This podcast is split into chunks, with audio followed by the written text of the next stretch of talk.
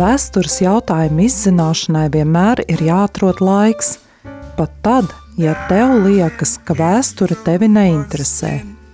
Iesim kopā caur baznīcas vēstures labirintiem un džungļiem. Kādreiz noderēs. Tu klausies raidījumu Grēcīgais un Dievišķais vēsturē. Let my people go. So the Lord said, go down. Radio klausītājs, šodien man ir liels prieks um, atkal gaidīt, sagaidīt jūs šajā mūsu tikšanās reizē. Un, kā jau iepriekšējā reizē mēs runājām, tad uh, baznīcas vēsture ir ļoti sarežģīta, tā ir ļoti interesanta. Un šodien es esmu aicinājusi šo mūsu tikšanās reizi um, Evo Ihmani, kas ir uh, vēstures zinātņu doktore, Latvijas Universitātes vēstures institūta žurnāla galvenā redaktore. Un viens no tiem retajiem vēsturniekiem Latvijā, kas pēta viduslaiku vēsturi, un turklāt vēl jo vairāk, nu, ja es tā esmu pareizi izlasījusi tavus pētījumus, dzirdējusi arī tevi konferencē, tad manuprāt, ka tas vienmēr centies izprast tos um, konfliktu situācijas, kas ir bijušas starp dažādām viduslaika institūcijām Lielvānijas teritorijā, konfliktus starp cilvēkiem, konfliktus starp idejām. Un, un jāsaka, ka man liekas, ka baznīcas vēsture, vismaz manā izpratnē, ir vienmēr no nu, tāda konflikta vēsture, kur viss nemitīgi ir kaut, kādās, kaut kādos konfliktos. Bet runājot tā kā vairāk varbūt sākumā mazliet par vēsturniekiem kā tādiem, es gribēju pajautāt, saki lūdzu, um, kas bija tas, kas uh, nu, lika tev izvēlēties studēt vēsturi?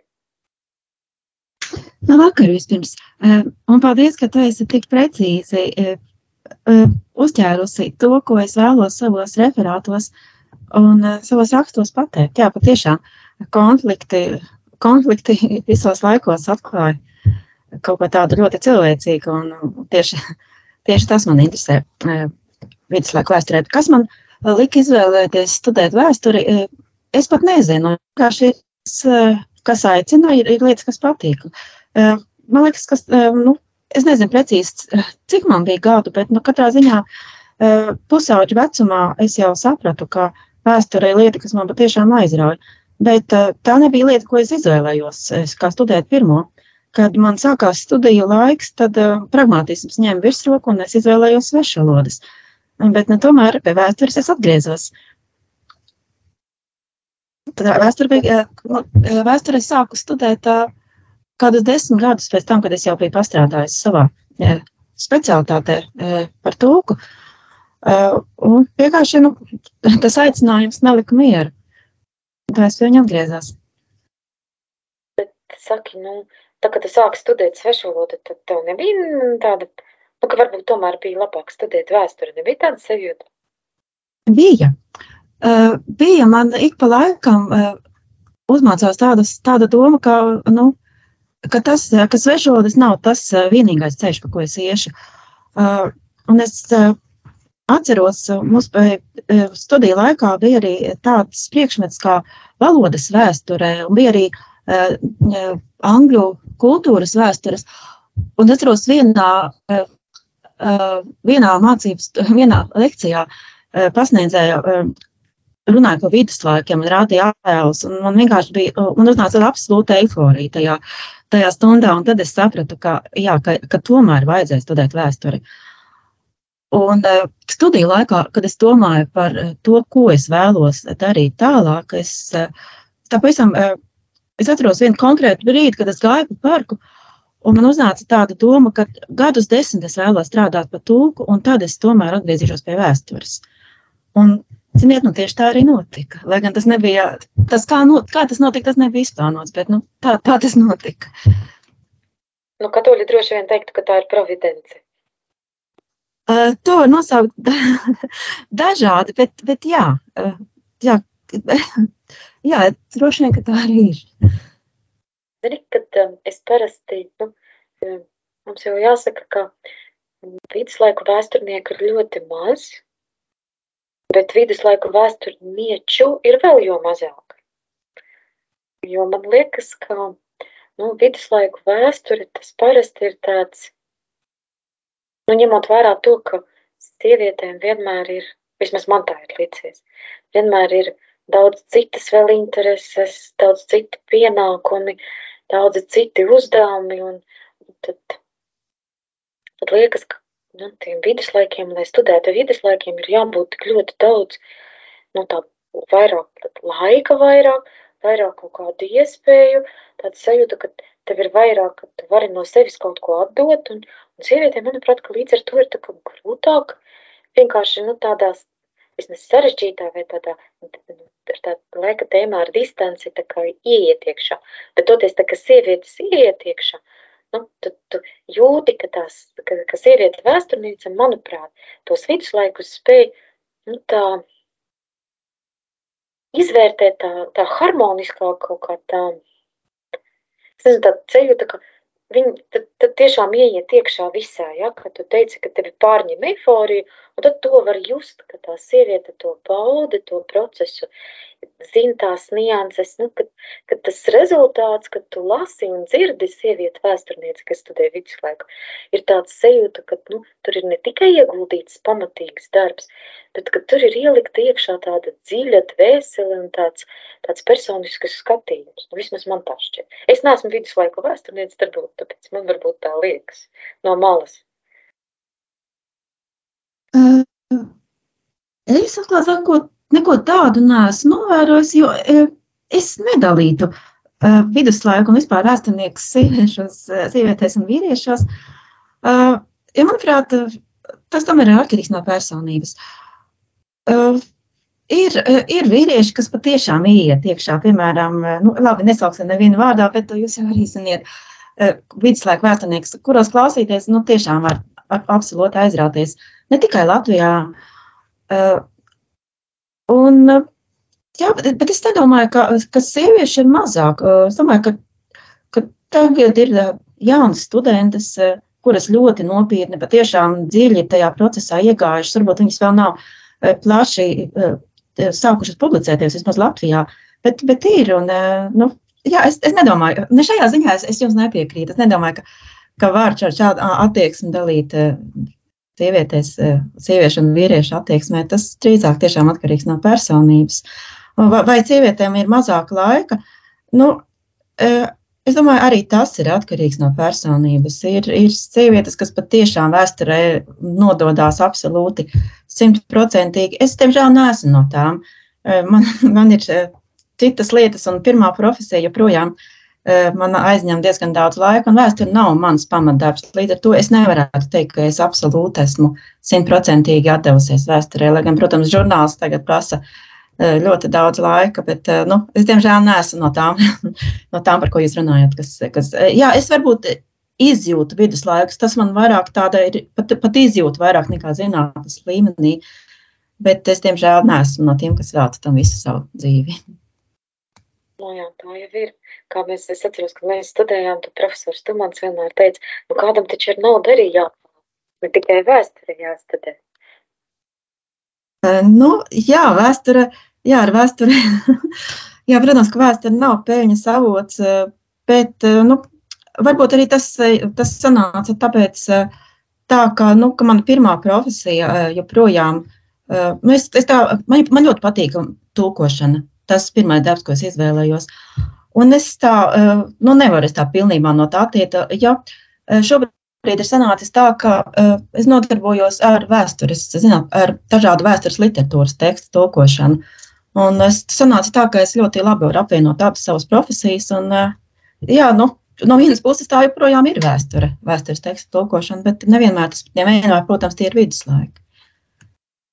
Bet, saki, Kā tu izvēlējies tādu tieši tēmu ja, par konfliktiem starp dažādām institūcijām, konflikti starp ordeni, konflikti starp bīskapiem, bīskapiem un pilsētniekiem? Un tas tāds, te bija kaut kāda interese tāda, vai tas tā, tā kaut kā virzījās un sanāca negaidīti?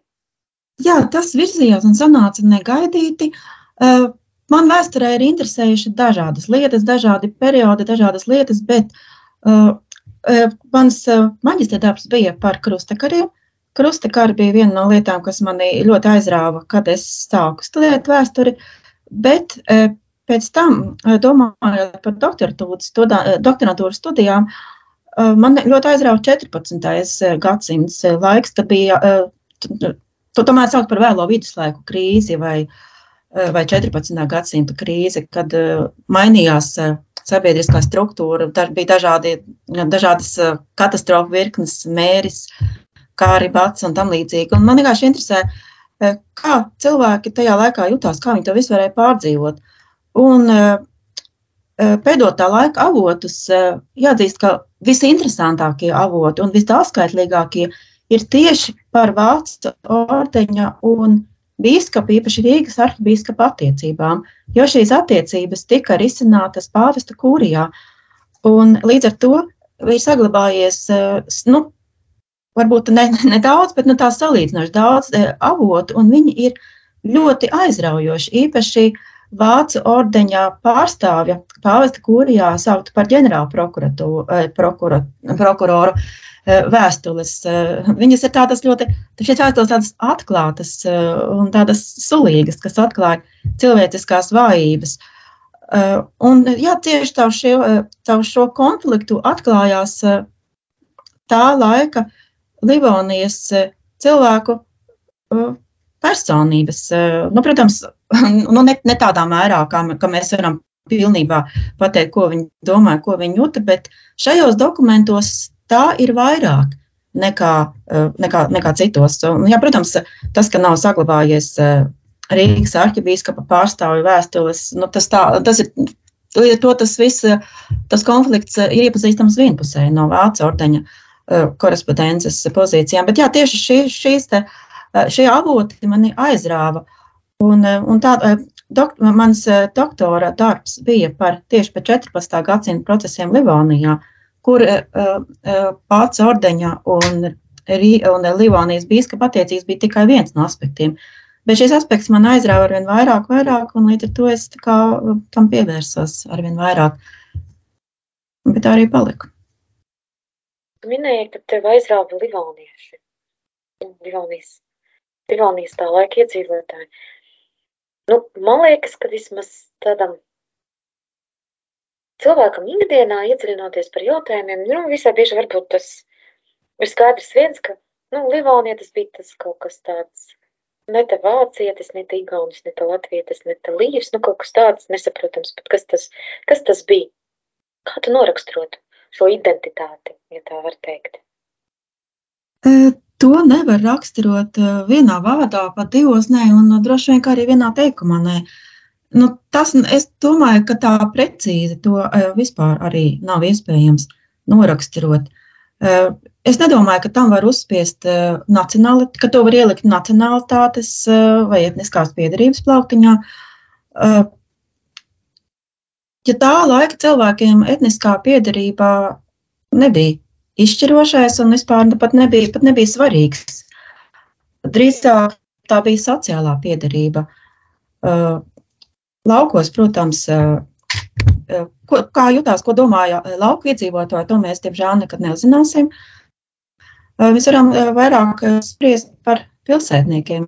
Pilsētā, protams, bija dažādu etnisko piedarību, dažādas etnisko grupu pārstāvi, bet tas, kā, tas kādā valodā viņi runāja, ne, drīzāk bija atkarīgs no viņu sociālās piedarības, nevis no viņu etniskās piedarības. Ja tie, kas vēlējās izsisties, tā teikt, uz augšu, bija iekļāvās viduslējas vāciski runājošajā sabiedrībā. Jā, bet, bet kāda viņam varētu būt ident, identitāte, es tā kā, tā kā to nevar iekļaut nacionālitātes un etniskās piedarības rāmjos. Eh, es pat nezinu, kā, kā mēs, mēs esam vienkārši šobrīd piedar, eh, pieraduši identitāti eh, saprast kā etnisko piedarību. Un līdz ar to es, es nezinu, atklāt sakot, kā, kā libonieši paši sevi, kādā identitātē viņi Ja, es domāju, un avoti arī ļauj secināt, ka laika gaitā Livonijas iedzīvotājiem radās tāda piederības sajūta Livonijai. Bet tā piederības apziņa bija mazliet plašāka, vismaz tiem viduslaiks vāciski runājošiem vasaļiem un arī pilsētniekiem. Bet, protams, kā lauku iedzīvotājiem droši vien identitāte bija viņa ciems, varbūt kaut kāds novads, bet droši vien, ka lauciniekiem tā identitāte plašāk par, par kaut kādu konkrētu lokālo teritoriju nesniedzās. Mani mīļie draugi, tagad mums būs ļoti īsta mūzikas pauze, un pēc brītiņa mēs atgriezīsimies studijā, lai turpinātu runāt ar Eva Ehmani par viduslaiku, baznīcu un viduslaiku vēsturi.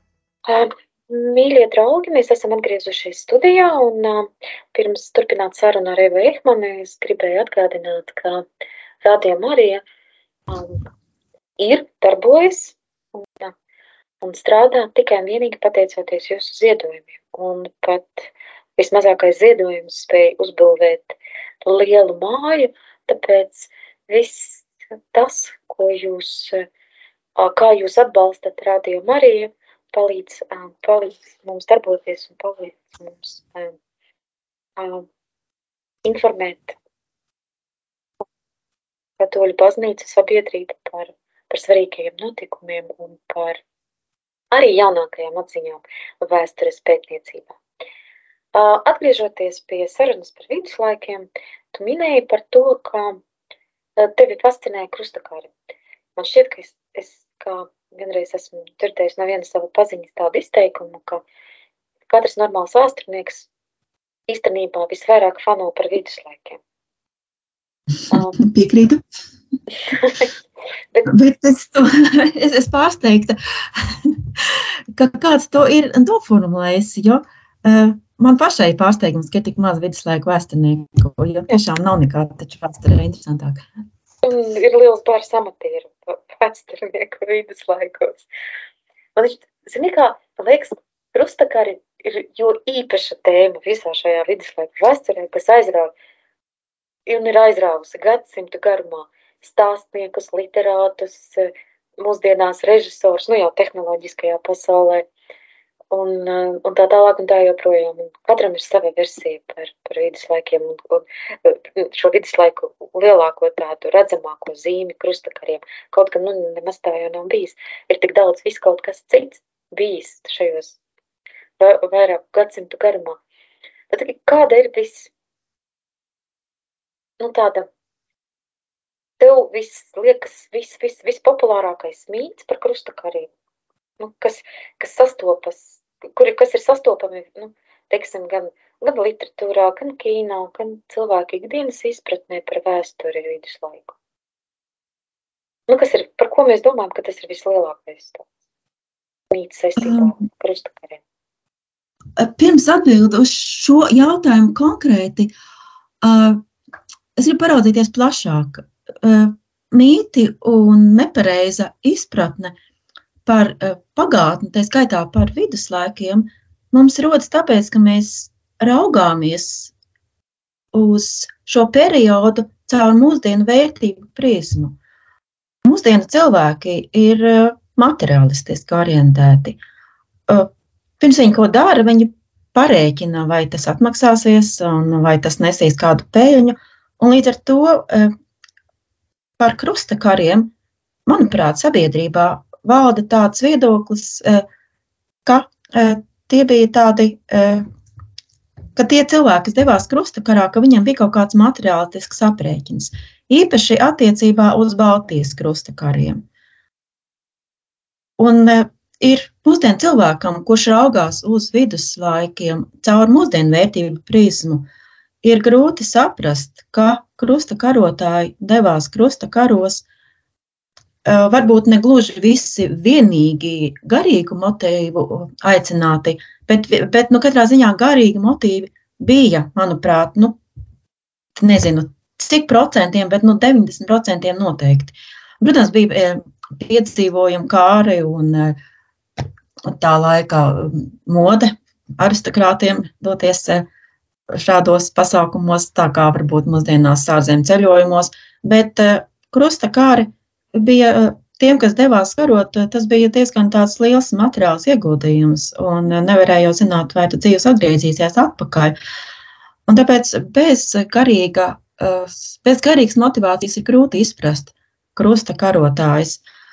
Un, manuprāt, jā, tas ir viens no galvenajiem, eh, nu, es neteiktu, varbūt mītiem, bet no tādām, eh, no tādām eh, nepareizām izpratnēm par krustakariem, īpaši attiecībā uz Baltiju.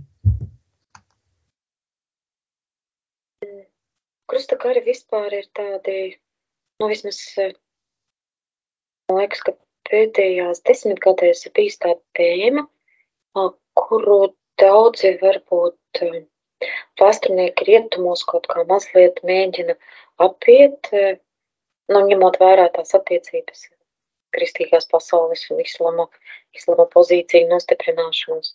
Un, un, it sevišķi varbūt pēc tāda Ņujorkas terora akta, kas notika Ņujorkā 9. septembrī. 11. septembrī jā, 12. septembrī. Um, tad tur bija tāda sajūta, ka mums ir nu, viss tā kā jāpāranalizē, ka vēl kaut ko, nu, nezinu, neiz, neizprovocētu, bet ka kaut kur tur neieta kaut kādās nepreizās nostādnēs, ka ir jāmēģina, nu, vai nu vai nu gluži pretēji ļoti kritiski pieiet tam visam, vai gluži pretēji noslēpt kaut kādas lietas, izvairīties par tām runāt, vai, bet tā bija atkal mana sajūta. Vai kā tev liekas, vai tas superkriticisms un, un izvairīšanās no otras puses, tas nu, nav vēl radījis tādu lielāku tukšumu šajā, šajā tādā, historiogrāfijā un izpratnē par vēsturi? Atklāti sakot, es neesmu pamanījusi šādu tendenci, jo cilvēki, kas pēta krustakārus, viņi to joprojām turpina darīt. Notiek konferences joprojām, kas ir veltītas krustakariem. Arī reliģiski militāriem ordeņiem ir pat žurnāls, kas ir veltīts militāri reliģiskiem ordeņiem, kas iznāk Polijā regulāri. Tā kā vēsturnieku vidū, vidū profesionālu vēsturnieku vidū šādas atturības e, es neesmu novērojusi. Bet, nu, protams, nāk mainoties mūsdienu sabiedrībai, mainās tēmas, kas tiek aplūkotas. Te vairāk varbūt tiek aplūkotas ieskats pretējās puses pozīcijās. Manuprāt, ir arī pretējās puses vēsturnieki, kas ir pētījuši tieši musulmaņu šo pozīciju, krusta karsta musulmaņu pozīciju, no musulmaņu pozīcijām. Jā, es, es, bet, protams, mēs, ne, mēs nedrīkstam jā, kopā divas dažādas lietas. Mūsdienu attiecības starp musulmaņiem un, un, pārē, un kristiešiem, mūsdienu attiecības starp dažādām valstīm un viduslaiku krustakārstu. Nu, tās ir divas pilnīgi dažādas lietas. Pat ja cilvēki dzīvo tajā teritorijā un varbūt eh, etniski vai kaut kādā veidā ir mantojuši eh, kaut, kaut kādas etniskās saknes, eh, nu, tas tik un tā to, to, nevar, to nevar jaukt ar mūsdienām. Tā kā, jā, es, es diemžēl varbūt neesmu pamanījis šādu, šādu niansu tieši pēc 11. septembra. Varbūt par to kaut kā runā savādāk politiskās aprindās vai, vai kā, bet nu, katrā ziņā, katrā ziņā profesionāla vēsturnieku vidū krustakā pētniecība notiek. Bet es, diemžēl, pēdējā laikā tam tik ļoti vairs nesakoju, jo man ir tagad mazliet cits vēstures intereses, ir mazliet mainījušās. Un vai var tā definēt, ka runājot par viduslaiku vēsturiem, ir kaut kādas savas top tēmas? Vai ir tagad top tādas top, jā, ir kāda top tēma, runājot par viduslaiku vēsturi? Uh, nu, tās top tēmas uh, diktē mūsdienu sabiedrības intereses. Es domāju, ka tās top tēmas izriet no mūsdienu modes uh, un kaut kādām varbūt tendencēm. Es domāju, ka sieviešu vēsture ir ļoti, ļoti populāra palikusi tieši bet nu, tas jau varbūt nav pēdējos gados. Jā, dažādas sadzīviskā aspekti tika varbūt vairāk pētīti, dažādas tādas kaut kāda piemiņas kultūra, tādas, nu, tie, tā, varbūt tā pētniecība var, tā, tas top pētniecība varbūt vairs nav tik daudz politiskā vēsture, cik tā, tādas dažādas nianses no dažādām sfērām, gan gan kultūras, gan sadzīves, gan sociālās. Bet nu, tā kā mana interese ir uh, konkrēti Vāca ordeņa un Rīgas arhibīskapā vēsture, uh, attiecību vēsture, es varbūt tā neesmu ļoti iedziļinājusies uh, pēdējo gadu pētniecības modē. Bet, jā, bet attiecībā uz Livonijas vēsturi, nu tās top tēmas tā īsti nevar izvērsties, ja šeit mūsu avoti ir tik ir un arī vēsturnieki nav tik daudz, lai mēs varētu tā tagad masveidīgi novērot kaut kādu pētniecības tēmu modi. Jā, mums jau par diezgan vēsturnieku ģimeni, ja tā var izteikties, ja cilvēks ir diezgan, diezgan mazskaitlīgi. Jā, bet nu, arī mūsu avoti nav tik daudz, un, uh, jā, bet nu, tai pašā laikā, ja mums būtu vairāk, varbūt būtu kaut kā tāda veselīgāka uh, diskusija, un varbūt tiešām mēs varētu konīt kaut kādu tad, eh, pētniecības tēmu, modi un, un tādas. Eh, jā, mēs varētu varbūt vairāk arī kādu vēstures institūta žurnālu veltīt šai tēmai. Kas ir mans klusas sapnis, nepiepildāms? Zini, kā, piemēram, mans klusas sapnis ir, es nezinu, bet, eh, redzēt jaunus lielas, labas, kvalitatīvas monogrāfijas, kolektīvas monogrāfijas, kur sākot no aizvēstures, iespējams, vēstures, viduslaikiem, nezinu, poļu laikiem, zviedru laikiem, mēs tā paņemam, izpētam pamatīgi vienu posmu, izdaram historiogrāfijas tādas, nu, revīziju, historiogrāfisku revīziju un ka mums ir tādas labas, pieejamas, kvalitatīvas, jaunas zināšanas, nevis kaut kāda tāda ideoloģiski visai bieži vai, vai novecojuši aizspriedumi par to pašu kaut vai vidus vēsturi, eh, viduslaiku vēsturi. Bet tas attiecas, man liekas, pilnīgi uz visiem posmiem Latvijas vēsturē. Gribas redzēt nu, tādus jaunus un pamatīgus darbus, kur viss tiek izvērtēts, pārvērtēts. Tev nav tāda Jā, bet ņemot vērā, cik mums ir viduslaiku vēsturnieku un, un cik viņi aktīvi darbojās, nu, tuvākajos laikos, tuvākajos gados diez vai mēs varētu uzrakstīt tādu Livonijas vēsturi. Bet tajā pašā laikā Igauņu viduslaiku vēsturnieki ir labākā pozīcijā, viņi ir vairāk, viņi ļoti aktīvi darbojās un ir pēdējā laikā diezgan eh, salīdzinoši daudz uh, publikāciju uh, no Igaunijas vēsturniekiem, tā skaitā angļu valodā. Un, kad, tuvākajā laikā iznāks Livo, Igaunijas vēsturnieku uzrakstītā Livonijas vēsture, kas, es ceru, iznāks arī latviešu valodā. Un līdz ar to šis rops kaut kādā veidā būs aizpildīts, jo, jo viņu, viņi Igaunijas vēsturnieki raksta uh, diezgan tā, uh, nu, no ļoti tādām modernām, plašām pozīcijām. atmetot pagātnes aizspriedumus, paraugoties dziļāk, mēģinot izskaidrot un saprast Livonijas vēsturi, es domāju, ka, nu, jā, es nezinu, kā tas ir sanācis, kā Igaunijā tā viduslaiku vēstures pētniecība ir attīstījusies plašāk nekā mums, bet mums jāņem vērā, ka Livonija tā bija mūsdienu Latvija un mūsdienu Igaunija. Un, līdz ar to tā, nu, varbūt nevajadzētu nodalīt, ka, ka Latvijā, ka, ka latviešiem būtu jāraksta sava Livonijas vēsture un Igauniem sava. Mums ir jāpriecājas, ka, ka Igauni kaut ko publicē un arī latviešu vēsturnieki reizēm iesaistās viņu kolektīvajās monogrāfijās. Man tomēr ir žēl, Livonijas vēsture nav tapusi, nav uzrakstīta Rīgā. Nu, jā, žēl, bet nu, tā kā ir, tā ir. Viņa uzrakstīta ir Tartu, manuprāt. bet nu, pēc kāda laika. man, manuprāt, Tartu, manuprāt, es nezinu, man, man, jā, manuprāt, manuprāt, tas galvenais pētniecības centrs tomēr ir, ir Tartu, tas vismaz tas produktīvākais.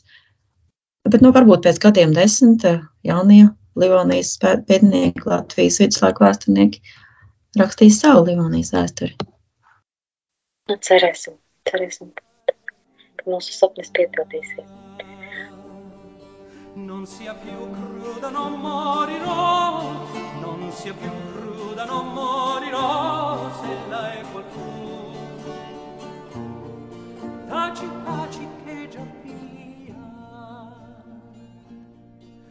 Porge i baci, porge i baci al mio labbro, l'alba mia. Porge i baci al mio labbro, l'alba mia. Sol che t'aspira se ne ritiene, sol che t'aspira se ne lieti affanni dolci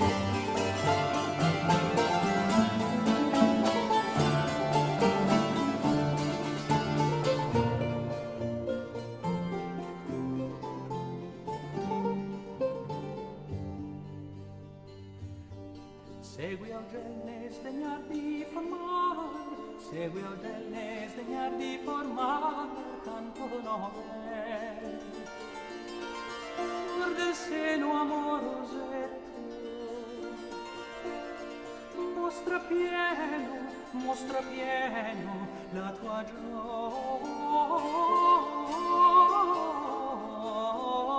il mio diletto mostra pieno la tua gioia, il mio diletto. Um, runājot par Livoniju un vispār par viduslaikiem, man liekas, ka um, nu, tas, tā baznīca, reliģija, cilvēku reliģiskā pārliecība, tas ir tāds, nu, ne, tas ir tāds organisks veidojums. Ja, tas, tas ir um, tāds viens organisms, kuram, protams, ir katram vismaz divas plaušas, ja, un katram savu, un tad tās plaušas tā visai bieži varbūt nestrādā kopīgi, ja.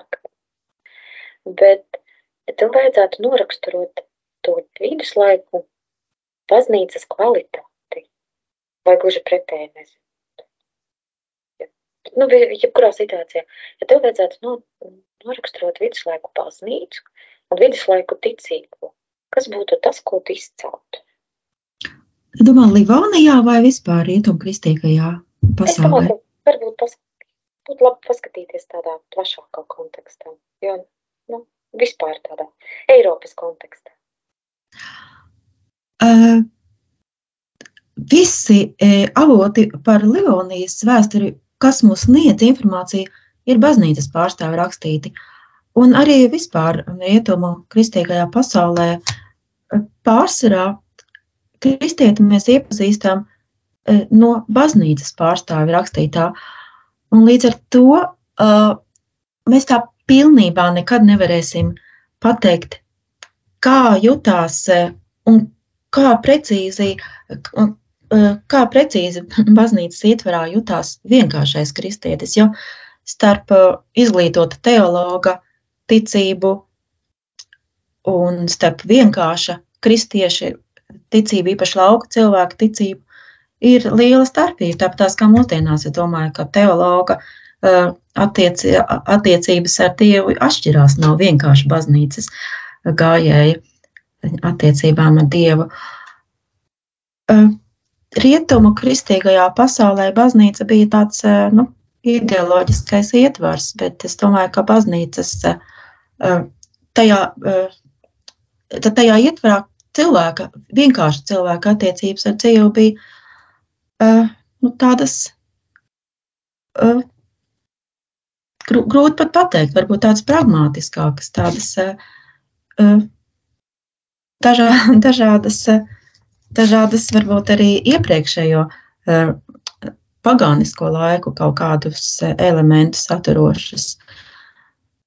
Uh, Grūti, grūti tā īsumā noraksturot eh, kristieti eh, viduslaiku, rietumu kristīgās pasaules eh, cilvēku, ne, nenodalot, vienkārši ir rietumu kristīgās pasaules kristietis, nu, ir jāskatās, vai mēs domājam karīgās sfēras pārstāvji vai zemnieku vai pilsētnieku, tie ir dažādi. Es domāju, ka tur ir mazliet atšķirās, pat varbūt pat spēcīgi atšķirās tās nianses. Katrai savai sociālajai grupai ir kaut kāda savas. Jā, protams, sociālā grupā, e, bet ne, ne tikai sociālās, jo uh,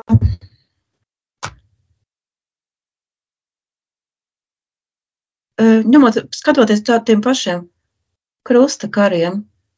Un lasot tā laika avotus, krusta karotājiem, kas nāca no aristokrātiskajām pozīcijām, attiecības ar Dievu bija nu, apmēram tā kā tādas, Dievs bija uz tādas nākamās feodālās hierarhijas plauktiņa. Te pašā laikā droši vien, kā zemniekiem, dieviņš bija tāds, varbūt tāds nu, varbūt tāds vienkārši, kam palūgt palīdzību, bet, nu, ja, īsāk sakot, nav iespējams raksturot, precīzi raksturot rietumkristīgās pasaules pārstāvi, un mēs nekad arī neuzzināsim tieši, kā, kā viņš jutās un, un ko viņš domāja, jo mums ir tikai baznīcas pārstāvi rakstītājs, un arī tas ir jāraks, jālasa kritiski, jo katram rakstītājam, katra, katram avotam ir kaut kāds mērķis. Katrs rakstītājs kaut ko gribēja ar to pateikt. Bieži vien tas ir didaktisks, bieži vien ir kaut kāda varbūt sautīgi, varbūt nu, ne gluži sautīgi, bet varbūt kaut kādi konkrēti mērķi, uh, kāpēc tas tika rakstīts. Un, tas varbūt ir viens no viduslaiku fascinējošiem aspektiem, ka, ka mēs varam tikai tā ielūkoties caur lodziņu caur tādu varbūt aizskaru palūkoties uz tā laika cilvēku, bet mēs ne, mums nekad nebūs kaut tāds viduslaiku vienkāršā cilvēka dienas grāmata, kas varēs mums precīzi pateikt, kā viņš jutās un ko viņš domāja. Mēs varam tikai tā mēģināt kaut kā pietuvoties sapratnē.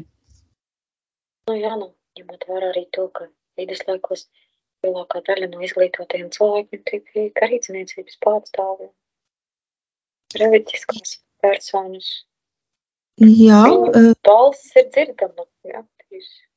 jā, un vēlējos viduslaikos arī pilsētnieku vidū, protams, palielinājās izglītības līmenis un rak, lasīt, rakstīt prasmu, bet no viņu rakstītājas pārsvarā bija tāds vēstules un tādas ikdienas lietas. Es atceros, ka es mācījos pirmajā kursā. Toreiz vēl ļoti maz bija vispār pieejamu grāmatu, nu, tādu par, par viduslaikiem. Un, un tās man likās, ka tās, kas padomju laikā uzrakstītas, tās tā nav īsti tādas labas. Kaut gan, protams, mēs nevaram par visu to teikt. Un tad es atceros, ka mēs, kas interesējāmies tad, jaunieši par viduslaikiem, tad lasījām Rubiņa grāmatas, Andra Rubiņa grāmatas. Mm un kas mūs nu, izbrīnīja, vai likās, ka tas ir tas, kas, ar ko tu vari izskaidrot viduslaikus. Tad bija tāds viens teikums, ka viduslaiku cilvēks bija irracionāls. Mhm. Jo vecākais kļūst, jo man liekas, ka varētu būt otrādi. Kā tev šķiet? Ka mūsdienu cilvēks ir irracionāls. Um, vispār uh, vidus, uh, mēs nevaram raudzīties uz viduslaikiem kā uz tādu uh, vienu konkrētu statisku periodu. Un, e, tas bija aspekts, kas man tā mazliet uztrauca. E, Rubiņa grāmatās, ka tur bija rakstīts, ka viduslaikos bija tā un tā, bet viduslaika bija patiesībā apmēram tūkstoš gadus ilgs periods, kura laikā notika intensīva attīstība, un e, viss ļoti mainījās. Agrots viduslaikos droši vien tas iracionālisms vai racionālisms bija ļoti atšķirīgs no, no tā, kā, kāds tas bija kāds vispār bija vēlo viduslaika cilvēks. Uh, iracionāls, nu, kā mēs to saprotam? Manuprāt, viduslaikos varbūt tas cilvēks bija varbūt tāds emocionālāks, un varbūt tas, tas ko sauc par iracionālismu, varbūt bieži vien ir vienkārši darbošanās uz emociju pamata. Es, nu, piemēram, konkrētu, konkrētu piemēru, es, es neatceros šo frāzi no Rubeņa grāmatas, ko viņš tieši domāja ar iracionālismu. Viņš nosauca par to, ka tā pasaule viņam bija tāda, nebija pietiekami sakārtota, ka tā pasaule bija balstīta, ka tas cilvēks dzīvoja vairāk nevis šeit un tagad, bet tur tajā nākamajā mūžībā. Vai to var nosaukt par iracionālismu? Varbūt tas bija tāds smalks aprēķins. Jo patīk, tas, mēs jau visi raizējamies. Mēs jau visi raizējamies par nākotni. Un šī dzīve ir īsa, un varbūt vienkārši viduslaika cilvēks saprata, ka šī dzīve ir īsa un drīz tā pienāk gals, un tāpēc ir jāgādā par tādu ilgstošāku nākotni. Tas ir par nākamo dzīvi. Bet tas, ka par šī dzīves beigām ir pastāvīgi jādomā, šīs viduslaiku cilvēku uzstādījums, es nezinu, vai tas ir iracionālisms. Manuprāt, tas ir tāda, tāda dzīves, nu, varbūt tādu, tādu vērtību, tāda labāka apzināšanās. Nē, es, es, ne, es nedomāju, ka viduslaiku cilvēku varētu nosaukt, raksturot kā iracionālu. Jo šis vārds jau pats par sevi ir tāds, nu, kas, ko, ko mēs ar to saprotam. Varbūt viduslaika cilvēki mūs uzskatītu par absolūti, varbūt ne pat iracionāliem, bet vispār pavisam neglābjami. Dīvaini. jā, man liekas, ka jā, tas tā varētu būt, ka katram laikmetam ir kaut kāds savs skatījums par tiem cilvēkiem, kas ir dzīvojuši pirms mums, un mums vienmēr jau gribas domāt, ka mēs esam labāki nekā tie, kas ir bijuši pirms mums. Jā, cilvēkiem tāda tendence piemīt, bet tāpēc, ka mēs visu laiku, mums tāda pārliecība, ka visu laiku attīstās, ka visu laiku sabiedrība attīstās, jā, attīstās tehnoloģijas un, un materiālā puse, bet tādā karīgā ziņā, vai, vai mēs esam stipri attīstījušies, Protams, zināšana mums ir vairāk, un izglītoti šobrīd ir visiem ir iespēja iegūt izglītību. Šādā ziņā, jā, mēs esam labāki, un dzīve ir nodrošinātākā, un cilvēkiem nav tik ļoti jāraizējas par, uh, par, par to, ka, piemēram, ziemā pienāks bats un varbūt nomirsim, vai būs atkal jauns kariņš, un mēs visi varbūt nepārdzīvosim, vai būs mēris. Kuru mēs nesapratīsim vispār, kas tas ir un kā ar viņu cīnīties. Jā, šādā ziņā šādas eksistenciālās domas un raizes vairs cilvēkiem nav, un līdz ar to mēs varam savu prātus varbūt pievērst citām lietām, vairāk kultūrai, attīstīt, izglītoties. Mums vienkārši varbūt vairāk ir laika nodarboties ar sevis izglītošanu, un šādā ziņā varbūt mēs, mums ir iespēja būt labākiem, varbūt. Bet vai mēs tādā cilvēciskā ziņā esam labāki, gudrāki? Ja mums būtu tādas iespējas, kādas bija viduslaiku cilvēkiem, tāda zināšana bāze, es nezinu, vai mēs būtu stipri labāki. Protams, ka mūsdienās mēs esam varbūt attīstījuši sev vairāk humanismu, iecietību. Tas gan, jā, šajā ziņā, jā, bet vienkārši mums ir varbūt iespējas būt labākiem. Mums ir, mēs esam pakāpušies uz viduslaiku cilvēku Eh, radītajām zināšanām, tā skaitā, un mēs varam, eh, pateicoties arī viņiem, kaut ko vairāk varbūt saprast. Bet tajā pašā laikā eh, mums tā kā domāt viduslaiku cilvēkiem un vispār par pagātni ir veselīgi nevis kā kritizēt, kādi viņi bija domi, ka viņi domāja tā, cik viņi bija barbariski, ka viņi gāja cīnīties krustakarā, bet mēģināt saprast, kāpēc viņi to darīja. Jo tikai, tikai saprotot, mēs varam kaut ko no pagātnes iegūt, un, lai saprastu, ir, ir jāatkāpjas no, jākāpjas no mūsdienu vērtības sistēmas un jāsaprot tā laika cilvēku vērtības sistēma, jo viņa motivācija ir balstīta viņu vērtības sistēmā. Aiva, liels paldies! Paldies, ka tu atradi laiku būt kopā ar mums. Paldies, ka tu dalījies ar saviem zināšanām un skatījumu. Un, manuprāt, ka laiks kopā, ko mēs tagad esam pavadījuši šajā ierakstā studijā, visādā ziņā mani kā ne viduslaiku speciālisti, ne viduslaiku vēsturnieci ir ļoti bagātinājuši. Un par to tev arī liels paldies! Paldies par sarunu! Uzredzēšanās! Uzredzēšanās! Un mēs tiksimies nākamā jau nākamo reizi, un tas būs novembrī. Lielas paldies, jauku visiem pēcpusdienu, un uz tikšanos novembrī.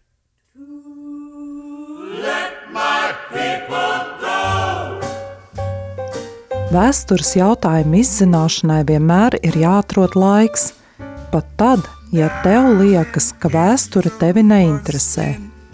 Iesim kopā caur baznīcas vēstures labirintiem un džungļiem kādreiz noderēs.